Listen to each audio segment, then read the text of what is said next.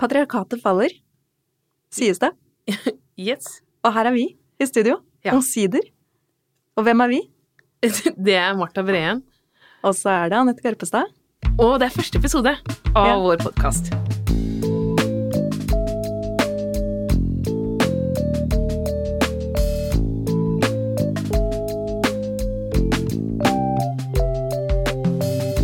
Anette, si et par ord om deg selv.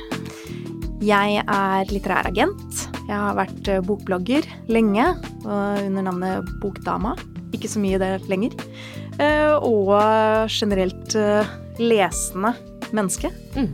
Og du, Martha, hvem er du? Jeg er forfatter, først og fremst.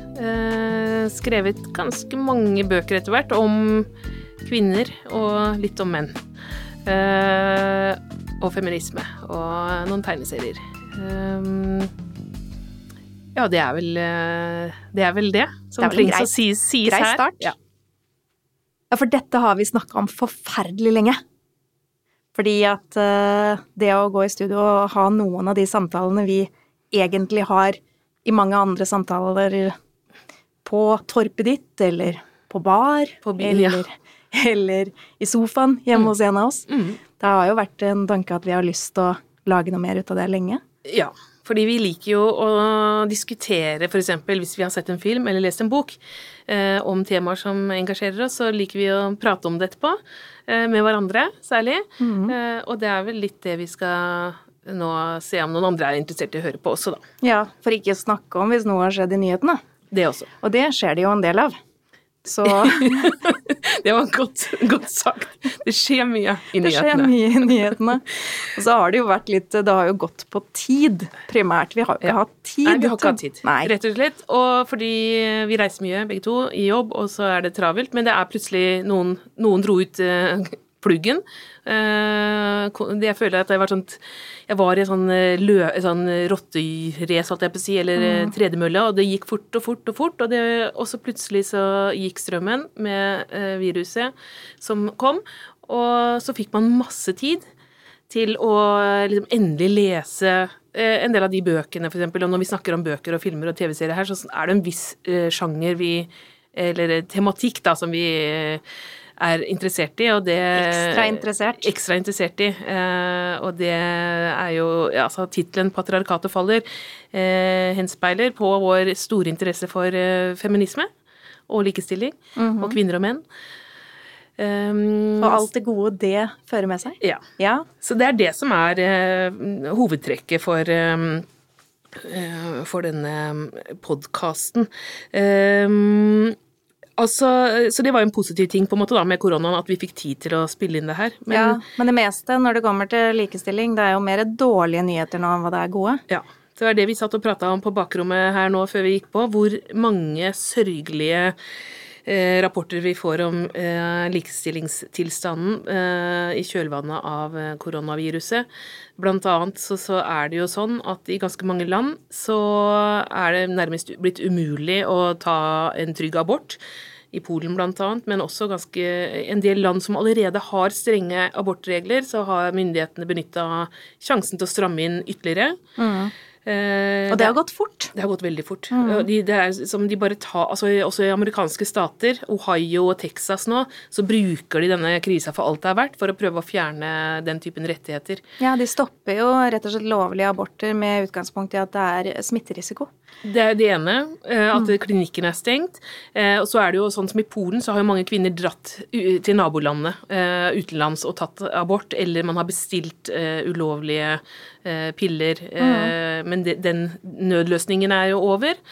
Og nå driver de også og prøver å få gjennom en veldig en ny, strengere abortlov i Polen, men så er det ikke lov å demonstrere. Forrige gang så ble det store gatedemonstrasjoner. De, de mobiliserte jo voldsomt sist, og det var jo også en mobilisering som, eh, som vi brukte noen elementer av eh, her i Norge. Når vi skulle fjerne reservasjonsretten Ja. og, og eller hindre den. Eh, så så det, nå kan man ikke demonstrere, så da benytter de anledningen til å innføre den typen lover nå. Um, en annen ting som, som med dette viruset, og som er mer relevant her på hjemmebane, er jo det at mange når, mange når, barna skal hjemmeskoles, eh, og alle skal være i hjemmet, så faller det veldig mye ubetalt eh, omsorgsarbeid på spesielt kvinner. Selvfølgelig både på kvinner og menn, men det er jo sånn at når én eh, skal få tid til å konsentrere seg om jobben sin, og den andre skal bake boller og være lærer, så blir det jo den som kanskje har en tryggest jobb, eller best betalt jobb, som prioriteres. Mm. Eh, så det er jo også rapporter vi har fått eh, kommet inn fra hele verden, da, at pleie av eldre og barn havner i størst grad på allerede underbetalte damer. Ja, så det høres ut som det bare er negativt. Uh, ja, det var trist. Foregår, det var en trist start. Ja. men men tittelen på denne podkasten er jo veldig positiv. Ja, på patriarkatet faller. Det, faller det er en optimistisk tittel. Ja, og, og det er jo Altså, jeg mener jo at vi nå er på en måte midt i den tredje store feministiske bølgen. Eh, og alle gode ting er tre, og med det tredje skal det skje, og det er liksom nå patriarkatet faller. Det er en eh, Det er jo mange som mener at det er den fjerde bølgen. Det er jo egentlig det som er det offisielle men uh, Men du mener at det var en litt mislykka bølge innimellom ja, der? Ja, jeg syns at det der 90-tallsbølgen ikke kvalifiserer.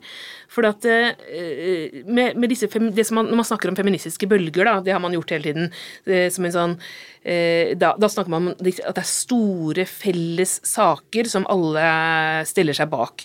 Og på 1880-tallet så begynte dette med kampen for stemmerett. og Det blir sett på som den første bølgen. Eh, og selvfølgelig yrkesaktivitet, det å få tilgang til yrker og sånn var en del av mm. det. Og så snakker man egentlig ikke om en ny stor bølge før på 60-70-tallet. Og da var det eh, igjen dette med yrkesaktivitet, dvs. Si at man må ha en reell mulighet til å jobbe. Mm. Eh, barnehager eh, og prevensjon, eh, p-pillen kom, abortrettigheter.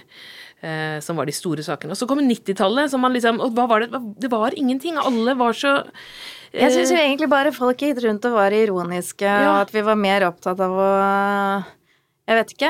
Individualisme.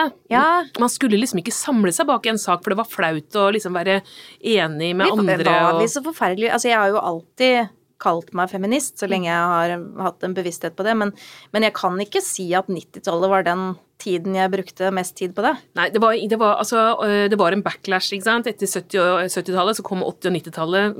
Både det du sier med ironien og at man var liksom sånn kjølig av, avstandstagende. Eh, det å være veldig engasjert og lidenskapelig Eller drive og demonstrere. Ja, demonstrere. Det ble sett på som veldig sånn ja. kleint. Liksom, Jeg husker at jeg prøvde å få noen venninner, for mora mi var jo kvinnefronter, jeg, så jeg hang liksom litt med på det her. Så ville jeg ha med noen venninner i Oslo på sånn 8. Eh, mars-tog. Mm. Og det var liksom sånn eh, Og da husker jeg måtte si sånn Jeg husker at dere kan få brenne veldig mye kalorier, da, hvis vi går fra Youngstorva opp til Stortinget. var eneste måten å få det med seg, liksom. Ja, men det funka? Ja, det funka, det. Ja, på 90-tallet. Ja, på 90-tallet. Ja. Men øh, så øh, den der individualismen tok litt knekken på, på den, Så jeg mener at det ikke var noen bølge. Og dermed er det det vi er, står i nå, det er en ekte bølge igjen. Mm. Fordi eh, metoo er et høydepunkt, men det var på en måte bare Altså, det var et høydepunkt. Da hadde det begynt allerede eh, over hele verden. Eh, så seksuell trakassering er på en måte en av de store fellestemaene, men også kampen mot et tilbakeslag som vi ser, eh, som var dette vi var inne på, med hvor eh, disse reaksjonære eh, patriarkene som styrer i land som Polen og Ungarn mm. og USA og Brasil og Russland og fjerner kvinners rettigheter, det er dem vi bekjemper nå. Mm. Men nå er vi jo inne i en periode igjen hvor aktivisme er litt tøft og kult, mm. og hvor det er uh, faktisk uh, helt innafor å både mene noe, mene noe tydelig og, og, drive med aktiviteter for å forsterke det. Og det gjelder jo både feminisme, men for ikke å snakke om uh, det å være vegetarianer, eller mm. det å mene noe sterkt politisk. Altså, det er en, du har et mye bedre debattklima nå sånn sett. Mm. Eller aktivistklima, vil jeg si. Ja. Det liksom Klima, klima? Ja. Jeg, jeg, husker jeg, jeg, skrev om dette her for noe, sånn, sånn rundt 2014 2013-2014 så skrev jeg sånn der, at jeg var litt sånn feministisk deprimert. Og så syns jeg at eh, åh, hvorfor har vi ikke tatt opp ballen etter foreldre eller mødrene våre, og hvorfor, hvorfor eh, kan Jeg husker jeg, jeg, det var en sånn uh, lengsel jeg hadde da, etter at vi liksom kunne ha kvinnefellesskap hvor vi skulle diskutere politikk, sånn som jeg husker at mamma gjorde. ikke sant, Var med i Kvinnefronten og hadde møter på kveldstid hvor de Og mamma var jo veldig Jeg fant en sånn derre Syvende sans-bok nylig fra når jeg var ett og to år. Eh, da, da, så da hadde hun jo to, to, små unger, og hun var aleine med dem også det mesteparten av tida. Allikevel så var det Hun var på, hadde møter liksom fire ganger i uka. For, daghjemsaksjon for, for, abort, eh, mot porno, for kvinner i Kina og FN, altså Vietnam altså Det var veldig, veldig mye hun engasjerte seg i. Og dette sammenfalt jo også med et veldig politisk engasjement, så ja. det var jo eh, så helt Poli klart noe annet. Ja da, det var helt Det var liksom Og jeg husker jeg, sitter og kikker på liksom hennes fortid, og da husker jeg tenkte at søren heller, hvorfor får ikke jeg vært del av noe sånt?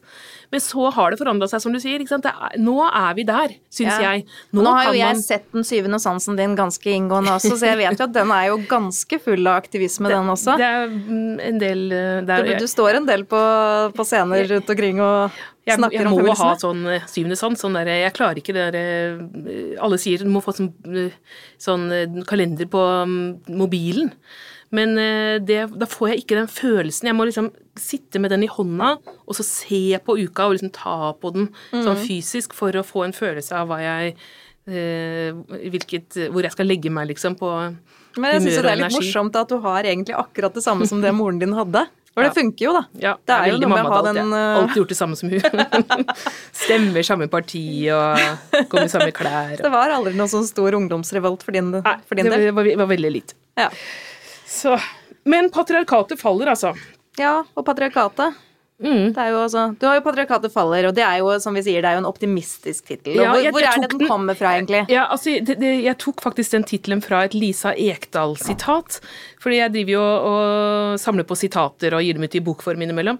Eh, og, den, eh, og hun sa i et intervju for noen år siden 'Patriarkatet faller i løpet av din livstid, så det er like greit at du henger deg på'. Det er så fint bare, sagt. Og det var så fint. Patriarkatet faller, ja. Så da uh, tenkte jeg den, uh, den, skal jeg notere meg ned uh, og ta med meg. Og så, og så var det, så har jeg begynt å sagt det der, snakka om patriarkatet litt sånn til noen her og der, og så merker jeg at mange får litt sånn piggene ut. Særlig menn, da, selvfølgelig. Mange menn føler at hvis vi snakker om patriarkatet, så, føler, så, så opplever de det som at Da snakker vi om dem. Ja, om dem, personlig. Ja. Og de tenker at vi tvinger dem liksom til å bære på en sånn arvesynd. Mm. Alt jævlig patriarkatet har gjort eh, opp gjennom eh, århundrene, det er dems feil, føler de at vi påstår, da. Eh, og da får jeg lyst til å si altså, skjerp deg, patriarkatet handler ikke om deg. Nei. Selvopptatte jævel, liksom. Patriarkatet det er jo da rett og slett et samlebegrep som peker på hvordan man Eh, med ulike systemer gjennom tidene, som ideologiske, politiske og ikke minst teologiske og filosofiske, har eh, begrunna og forsvart mannsdominansen. Ja. Opp igjennom. For ikke snakke om at de også har pålagt mennene å ha denne vekten på sine skuldre. Ja, den kjipe rollen det er. Det er jo ikke noe hyggelig å, å ha en sånn rolle? Nei, Nei. Ikke opp gjennom eh, historien heller. Altså, eh, jeg syns ikke noe synd på, norsk, på menn i dag, da, fordi eh, de jeg, jeg, mener jo bare at det, det, er, det, det er en ganske sånn tett parallell til det å være hvit, da. Ikke sant? Altså, jeg blir ikke personlig fornærma for at noen sier at det er en hvithetsnorm i det vestlige samfunn, og at uh, hvite mennesker har privilegier. Uh, det aksepterer jeg, det skjønner jeg. Det må vi jo bare være enige liksom om at det stemmer. Være, ja. Ja. Og det, liksom, det, er bare det. Det er bare dit uh, menn må også tenke. at det, uh, det, å hevde at det eksisterer et patriarkat, det betyr ikke at man påstår at alle menn har makt over alle kvinner. Eller at menn er vinnerne og kvinner er taperne. Det er ikke det vi sier. Nei, nei. Uh, begrepet peker på at det eksisterer samfunnsstrukturer som sørger for at gruppen menn har større makt enn gruppen kvinner. Mm. Og hvor kommer det fra, da? Altså, det er vanskelig Det er jo ikke si. funnet opp i går. Nei. Eh, jeg, jeg har ikke noe svar på akkurat hvor det kommer fra, for det har jo på en måte, mm, på en måte Kanskje alltid vært der, jeg veit ikke, men, men jeg vet jo hvor begrunnelsene begynte å, å dukke opp, og det var jo eh, i filosofien. altså Man må til de gamle grekerne. Det var da man begynte å sette det på papir, da. Eh, Altså alle, eh, alle religiøse bøker er jo også basert på dette. Så Koranen, Bibelen, overalt. Så, Ja, altså, så vi må jo regne med at alt som ble overlevert også muntlig i perioden før, hadde disse elementene i seg. Og, eh, så det, det skjønner vi jo. Men filosofien Ja, filosofien, ikke sant. Da eh, Aristoteles eh, var jo eh, tidlig ute der. Eh, og, og det han Platon og Aristoteles de hadde helt ulikt kvinnesyn. Eh, Platon var jo egentlig en vi likte litt bedre. Litt bedre. Ja.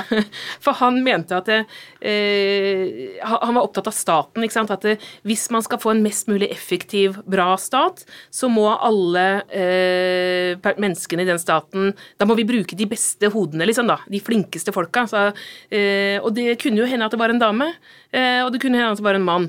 Så hvis, så, eh, hvis vi ikke gir kvinner mulighet til å tilegne seg kunnskap på lik linje, så kan det hende at staten mister eh, noe gull, da. Eh, Så det var hans begrunnelse. Veldig sånn rasjonell. Jeg At, syns den eh, er jo helt ja, eh, oppe og står fortsatt. Den Den, den kan vi beholde på X-Fil. Ja. Men det var dessverre ikke hans syn som vant fram, det var Aristoteles. Som mente at kvinner og menn var eh, ekstremt forskjellige eh, individ, eller eh, typer. Og han hadde jo da vel, en hel lære sant, om hva kvinnen var. Og jeg tror ikke han møtte så mange kvinner eller diskuterte dette med noen damer. Fordi det var mye rart da i det. For eksempel så skriver han sånn ja, kvinne, dette er fra hans verk 'Zoologien'. Kvinnen har mer medlidenhet og medfølelse enn mannen, eh, og er mer tilbøyelig til å gråte mye. Ok? Eh, Det, er ikke det, det, det provoserer meg ikke. Eh, Hun er også mer misunnelig og kranglete, ja vel. Har større behov for å rakke ned på folk og trang til å slå. Det synes jeg er litt rart. Ja, akkurat det der er liksom Kvinnen har større trang Ja. til å slå, ja vel. Kvinnen er også mer deprimert enn mannen, og mer motløs. Ja. Ikke så rart, kanskje, når man altså, levde hvis du levde, under de, levde de liksom- gamle Hellas, så tror jeg kanskje jeg hadde vært litt mer deprimert òg. Mer uanstendig og tilbøyelig til å lyve. Kvinnen er i det hele tatt altså, altså, Jeg kommer til et langt avsnitt om hvor lat hun er, da. Kvinnen er i det hele tatt mindre tilbøyelig enn eh, mannen til å foreta seg noe. Ja, i det hele tatt, ja. Og hun trenger ikke så mye mat. ja. Men, ja, men det, altså, eh, hans bøker fikk jo en helt kolossal betydning, og nesten Altså, all skrifter filosofi er jo i den dag i dag pensum. Ja, det er pensum. Så, Fremdeles. Og, og, og veldig mange filosofer la jo brukte dette her som grunnlag for sine videre tanker. Det, jo, så det var Altså nesten alle filosofene på, på X-Fil er jo eh, ekstremt kvinneforaktende, da. Ja, det er ikke, Um, og det er jo også et tema som har vært tatt opp igjen og igjen, dette her med pensum på noe som vi har som en obligatorisk øvelse her i Norge, X-Fil, eh, som er et Mm. Det heter vel ikke det nå Eh, lenger? X-Fil og X-Fac, hva Ja, heter det? Vi er jo sånn uskolerte folk som aldri har tatt sånne ting, så nå Nei. snakker vi jo jeg, jeg, jeg var på to forelesninger på X-Fil eh, for 20 år siden, eh, for jeg fant ut at jeg kanskje skulle eh, studere, da. Mm. Eh, Jeg var noen og 20 år, og så merka jeg at alle jeg kjente, eller alle på min alder liksom drev med det. Og så ok, så meldte jeg meg opp. Og så hadde jeg bomma på noen tidsfrist, da, sånn at jeg fikk, eh, jeg fikk ikke komme inn på vanlig X-Fil. Jeg fikk bare komme inn på X-Fil på Menighetsfakultetet. Ja, det er jo perfekt. Ja, så jeg begynte faktisk på X-Fil på Menighetsfakultetet, og de sa til meg nei, X-Fil er helt lik, det er ikke noe religion, og det er bare trygt å komme hit og sånn. Og så var det bare piss, ikke sant. Det var jo kjempefarga av eh, kristendom. Eh, så etter to forelesninger der, så Så hadde, det var- følte, du at ikke, rommet var ikke stort nok for deg å debattere i, så da fant du på noe annet? det, det er den utdannelsen jeg har. Det er de to eh, forelesningene der. Ja, ja, men se. Det var jo godt for noe. Ja, det, det, jeg, ja, jeg ble irritert, og det har jeg tatt med meg videre. Eh, men altså, altså, filosofi er jo da utvilsomt Ja. det mest sexistiske faget vi har. Men det har. er jo igjen, da, selv om dette blir tatt opp Mm. igjen og igjen, både med pensum og det at eh, filosofien er gjennomsyret av ganske usunt kvinnesyn på mange måter som skulle kanskje vært oppdatert, så, så tar jo ikke akkurat utdanningsinstitusjonene det til etterretning. Nei, det, er jo, det var jo en debatt nå, i, eller for noen måneder siden, i Klassekampen. En ganske langvarig eh, føljetong eh, om bl.a. eh, filosofiavde, filosofiavdelingen, heter det, på NTNU i Trondheim. Eh, der hadde de ansatt ti nye personer. Og av de ti så var eh, ti menn. Og dette var da i et fag som allerede hadde fått mye kjeft for å være veldig mannsdominert. Eh, Så ansatte bare Det er jo bare litt pussig valg. Veldig rart. Veldig rart. Altså, og, og pensum er jo selvfølgelig også veldig Eller bare, nesten bare menn. Og så prøver noen å si kanskje vi skal få inn noen kvinnelige filosofer, og så blir de jo veldig sure, da.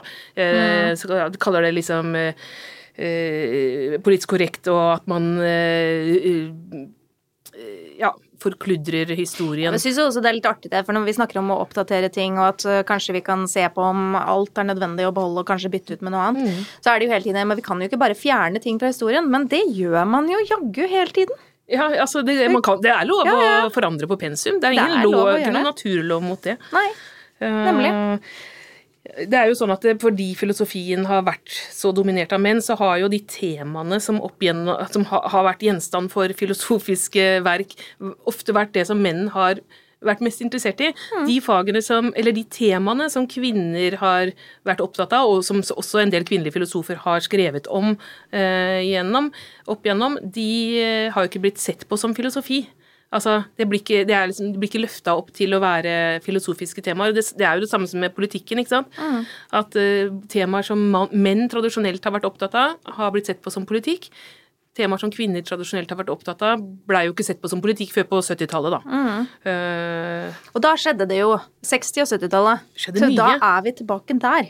ja! Og 60- og 70-tallet var jo en mye gøyere periode. Og nå har vi jo, fordi at vi har vært en, en, mye en gamle Hellas, mener du? Ja, en gamle Hellas. Gamle Hellas var litt deprimerende. Ja. 60-tallet var litt mer gøy. Uh, og nå har vi jo vært mye hjemme. Mm. Eh, og som du sier, jeg også setter veldig stor pris på at jeg har fått lest mye. Det Mm. er veldig, veldig fint. Jeg har jo jobba, men uh, det er jo litt mer sånn Jobben din er jo å lese Jobben min er jo å lese når jeg ikke reiser, Mm. så det er jo helt klart det. Men uh, vi har jo da sett en del TV-serier, Mm. og nå har det jo kommet en helt ny en på HBO som heter Miss America. Mrs. America. Mm. Mrs. America. Mrs. America. Det er veldig viktig ja. at det er Mm. Mrs. Og det er jo virkelig godt nytt. Det er en fascinerende historie eh, om kvinnebevegelsen i USA, som eh, egentlig ikke er så kjent her i Norge. Selv om uh, disse ansi altså Gloria Steinem er et sånn kjent ansikt. Ja, Betty Friedan også ja. er jo der. Uh, Angela Davis har ikke dukka opp ennå, i hvert fall i den, uh, så langt som jeg har kommet i serien, men hun er jo på en måte det tredje sånn navnet vi kjenner fra USA. Men, men ellers så er det jo serien basert mye på en som vi ikke har hørt om før i norsk feminisme, nesten. Phyllis Schlafly. Ja, hun eh, det var, det var en overraskende Et overraskende valg. ja, fordi hun er jo ikke feminist, eller hun er antifeminist. Det vil jeg absolutt si at hun er. Spilt av Kate Blanchett. Strålende spilt. Nydelig. Mm. Veldig godt spilt. Og det som er konflikten her, er jo det at eh, de prøv, Altså gjennom flere generasjoner før eh, før 60-tallet, så hadde amerikanske kvinner forsøkt, jobba for oss å få inn et sånn admandment, som det heter, et sånt tillegg i Grunnloven om likestilling. ERA, Equal Rights Admandment, eh, står det for. Så det er det som på en måte er hovedkampen hele veien her. Og grunnen til at det blir så kontroversielt, og hvorfor de får disse husmødrene, da, som hun Schlafly står i spissen for, hvorfor de går imot det, eh, er jo blant annet fordi eh, denne likestillingsloven eh, blir blanda inn i dette med kvinnelig verneplikt. Blant, Ja, og blant dette annet. skjer jo da i forbindelse med, med da krigen i Vietnam. Vietnam. Så det blir jo veldig aktuelt, akkurat det. Ja. Ehm, så, uh, så de, men, men, men, men det er egentlig ikke det som er hoved... Altså det blir brukt som et argument, dette at hvis vi innfører dette, så må kanskje kvinner i militæret. Mm. men det som egentlig ligger under, er at de, eh, den reaksjonære siden mener at dette fjerner eh, husmoridealet. Det fjerner verdien Av- til de som velger å være homemakers, Ja.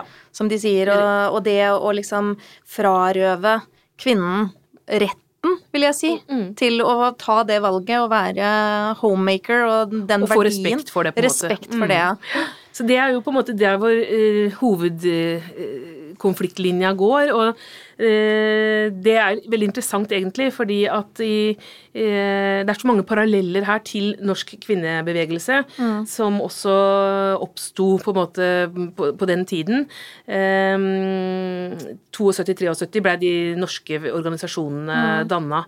Og de var jo også veldig inspirert av deler av det som skjer i TV-serien. For sånn som vi nevnte, Gloria Steinem Ja. eh, var jo en av eh, frontfigurene Ja. som sto og kjempet for at man skal ha equal rights amendment. Ja, Gloria Steinem var jo redaktør av dette som het Miss Magazine, mm. eh, som var et feministisk blad. Og eh, det, er, det er så interessant å se, se parallellene, fordi at eh, i Norge så fikk vi jo da eh, vår variant av Miss Magazine året etter bare, Sirene.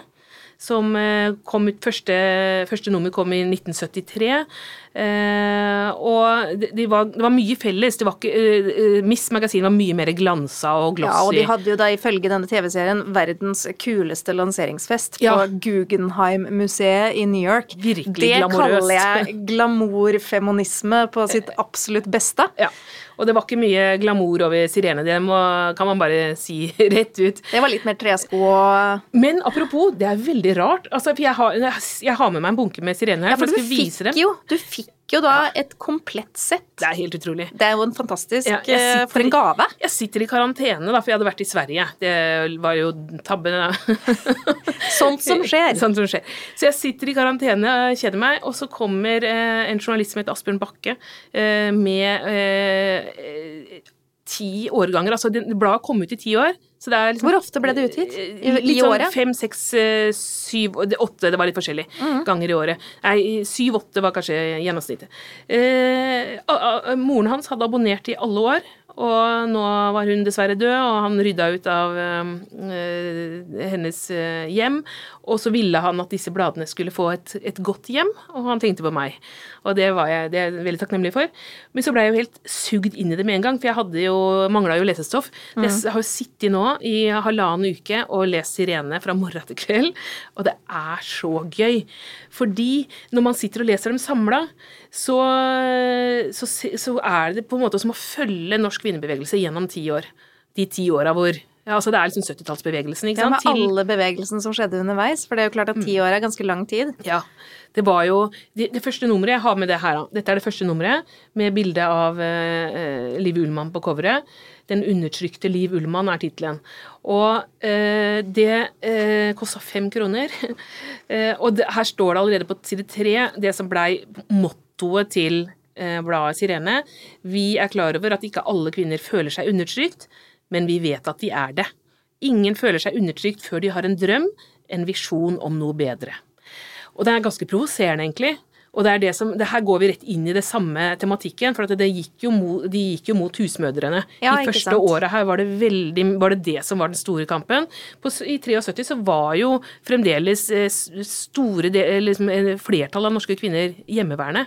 Ja, absolutt. Og særlig etter at man fikk barn, så var det jo nesten Det var jo ikke daghjem, som man kalte barnehager den gangen. ja, men og det var, Min egen mor gikk jo på husmorskole, hun. Ja. Hun skulle jo bli husmor. Det var det som eh, så, så det var jo en helt sånn reell, eh, veldig aktuell debatt. Men, men eh, husmødrene si, følte seg jo veldig angrepet, og de blei jo angrepet. Det er jo, det er jo, de var tøffe i trynet altså, når du leser noe av det de, hva de skrev. Men jo, det jeg var inne på, apropos Laura Steinem, for her ser vi eh, et eh, nummer fra, av Sirene fra 1979 med bilde av eh, Gloria Steinem på coveret.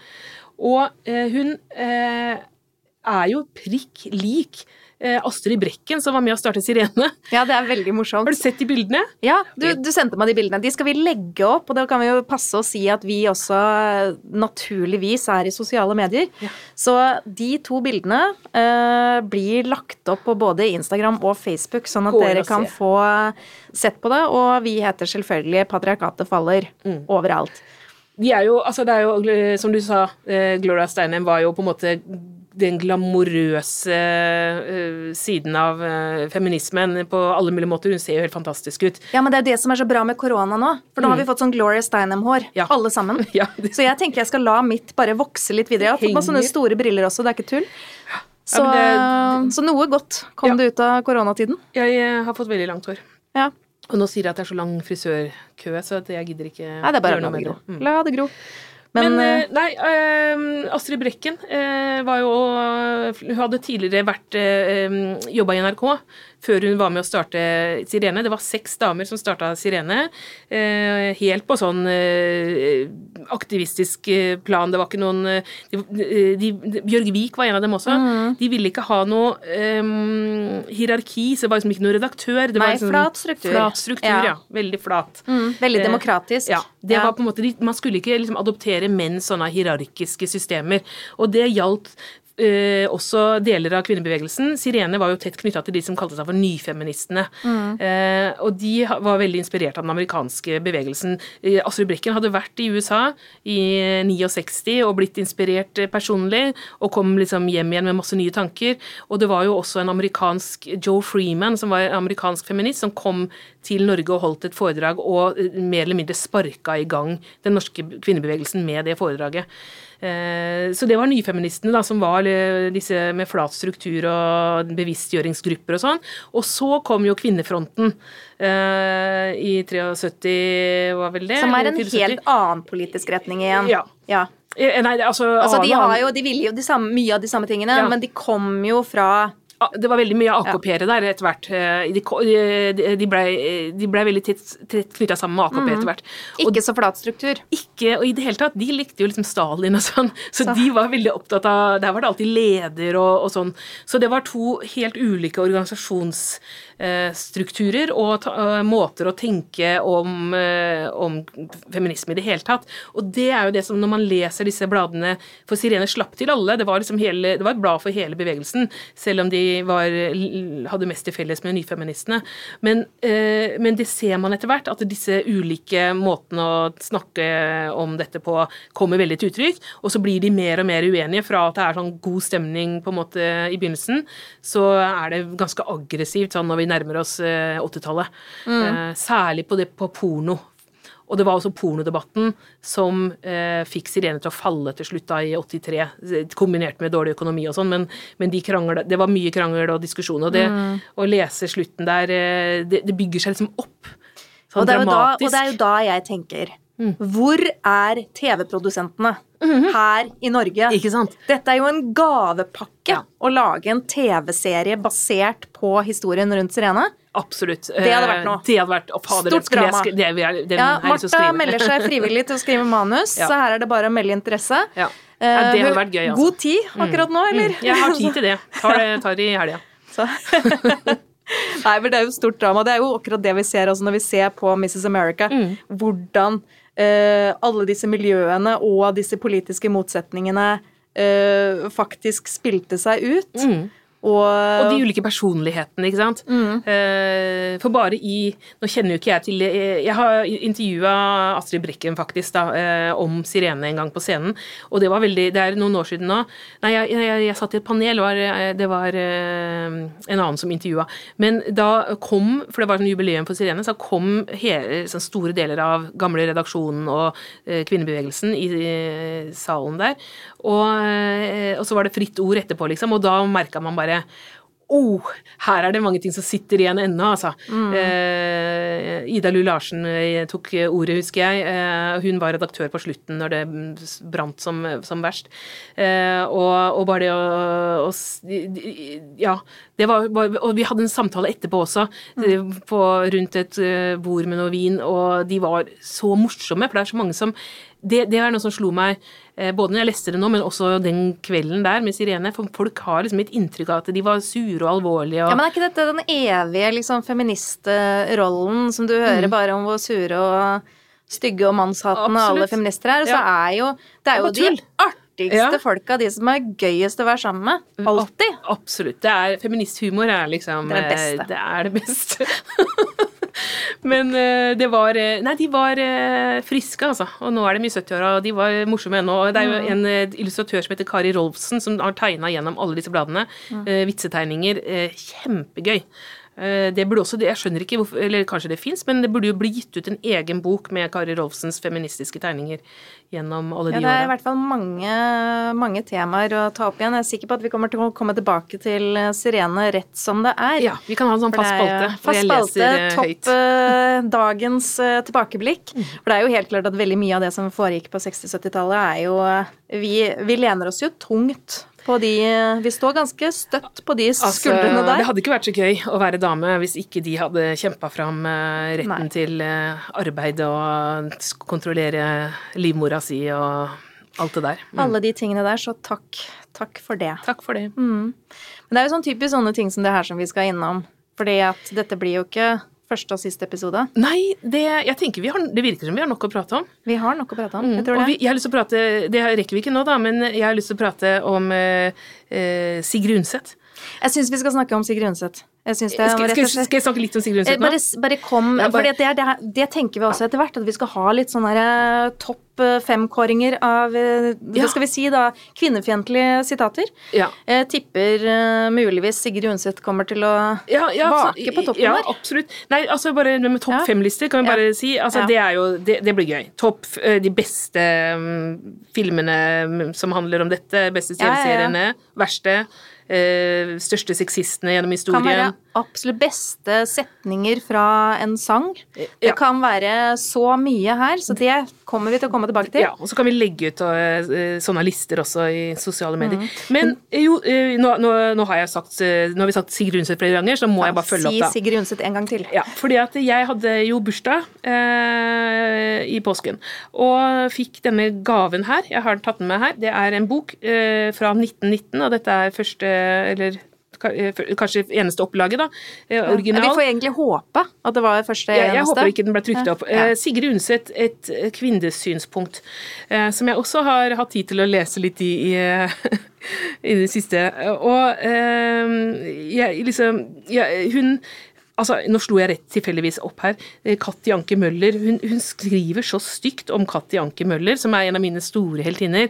Katti Anke Møller var jo den som på en måte satte i gang abortkampen i Norge for fullt, og som jobba for at eh, eh, kvinner, barn som er født utafor ekteskap, skulle få de samme rettighetene som eh, de som er født innenfor ekteskap, og osv. Men eh, Sigrid Undset eh, likte ikke det. Eh, hun var jo eh, reaksjonær og um, veldig mot kvinnebevegelsen. Hun syntes jo at ha- likestillingen hadde gått altfor langt. Og jeg syns det er ganske 1919. fascinerende med tanke på at eh, Sigrid Undset også var liksom en self-made kvinne. Ja. Hadde gått imot og gjort så mye andre ting enn hva som var egentlig forventet av en ung kvinne på den tiden. Mm. Og så likevel velger å ta et sånt standpunkt som hun gjør her. Ja. Ja. Hun mente at eh, kvinner skulle være i hjemmet, og det å være mor var mer enn nok. Eh, disse damene som ville ha stemmerett, det hadde hun ikke noe særlig sans for, fordi eh, kvinner kunne påvirke på en mye bedre måte, nemlig med å påvirke ungene i hjemmet. Eh, men, eh, men det var jo på en måte altså hun hadde ikke, eh, Det var ikke disse første feministene på 1880-tallet hun hadde noe imot. Det var i sin tid, da, sånn eh, 1910-20-tallet. Eh, for da, som sagt, mente hun at feminismen, eller likestillingen hadde gått for langt. Og det, og hun ville ha til, at vi skulle gå tilbake til gamle verdier. Da. Men så var det litt interessant, for at jeg leste i, i denne boka så var det da et sitat som jeg følte var helt motsatt av dette sirenemottoet. Eh, for at jeg, som jeg sa, Sirene hadde dette mottoet. Vi er klar over at ikke alle kvinner føler seg undertrykt, men vi vet at de er det, for ingen føler seg undertrykt før de har en drøm, en visjon om noe bedre. Ikke sant? Du er ikke undertrykt før du veit det, eller noen forteller deg og viser det, da. Men eh, hun skriver da ehm, man lider ikke urett så lenge man ikke føler det man lider under som urett. så hvis du ikke forteller noen at de blir diskriminert, hvis de bare er er lykkelige, ikke i sin uvitenhet, så er det ikke noe problem. Uh, ja, i det hele tatt. Uh, det var Norges svar på Phyllis Schlafly et Ja. sånn par år, eh, par generasjoner før. Rett og slett. Men det er jo også Hva skal man si? Sorry, Sigrid Undset. Vi er opplyst. Vi har fått det med oss. Ja. Så, så med andre ord, patriarkatet faller. Jepp. Du har hørt podkasten Patriarkatet faller av og med Marta Breen og Anette Garpestad. Teknikk og musikk ved Margarita Krimici. Og utgiver er Cappelen Dam Forlag.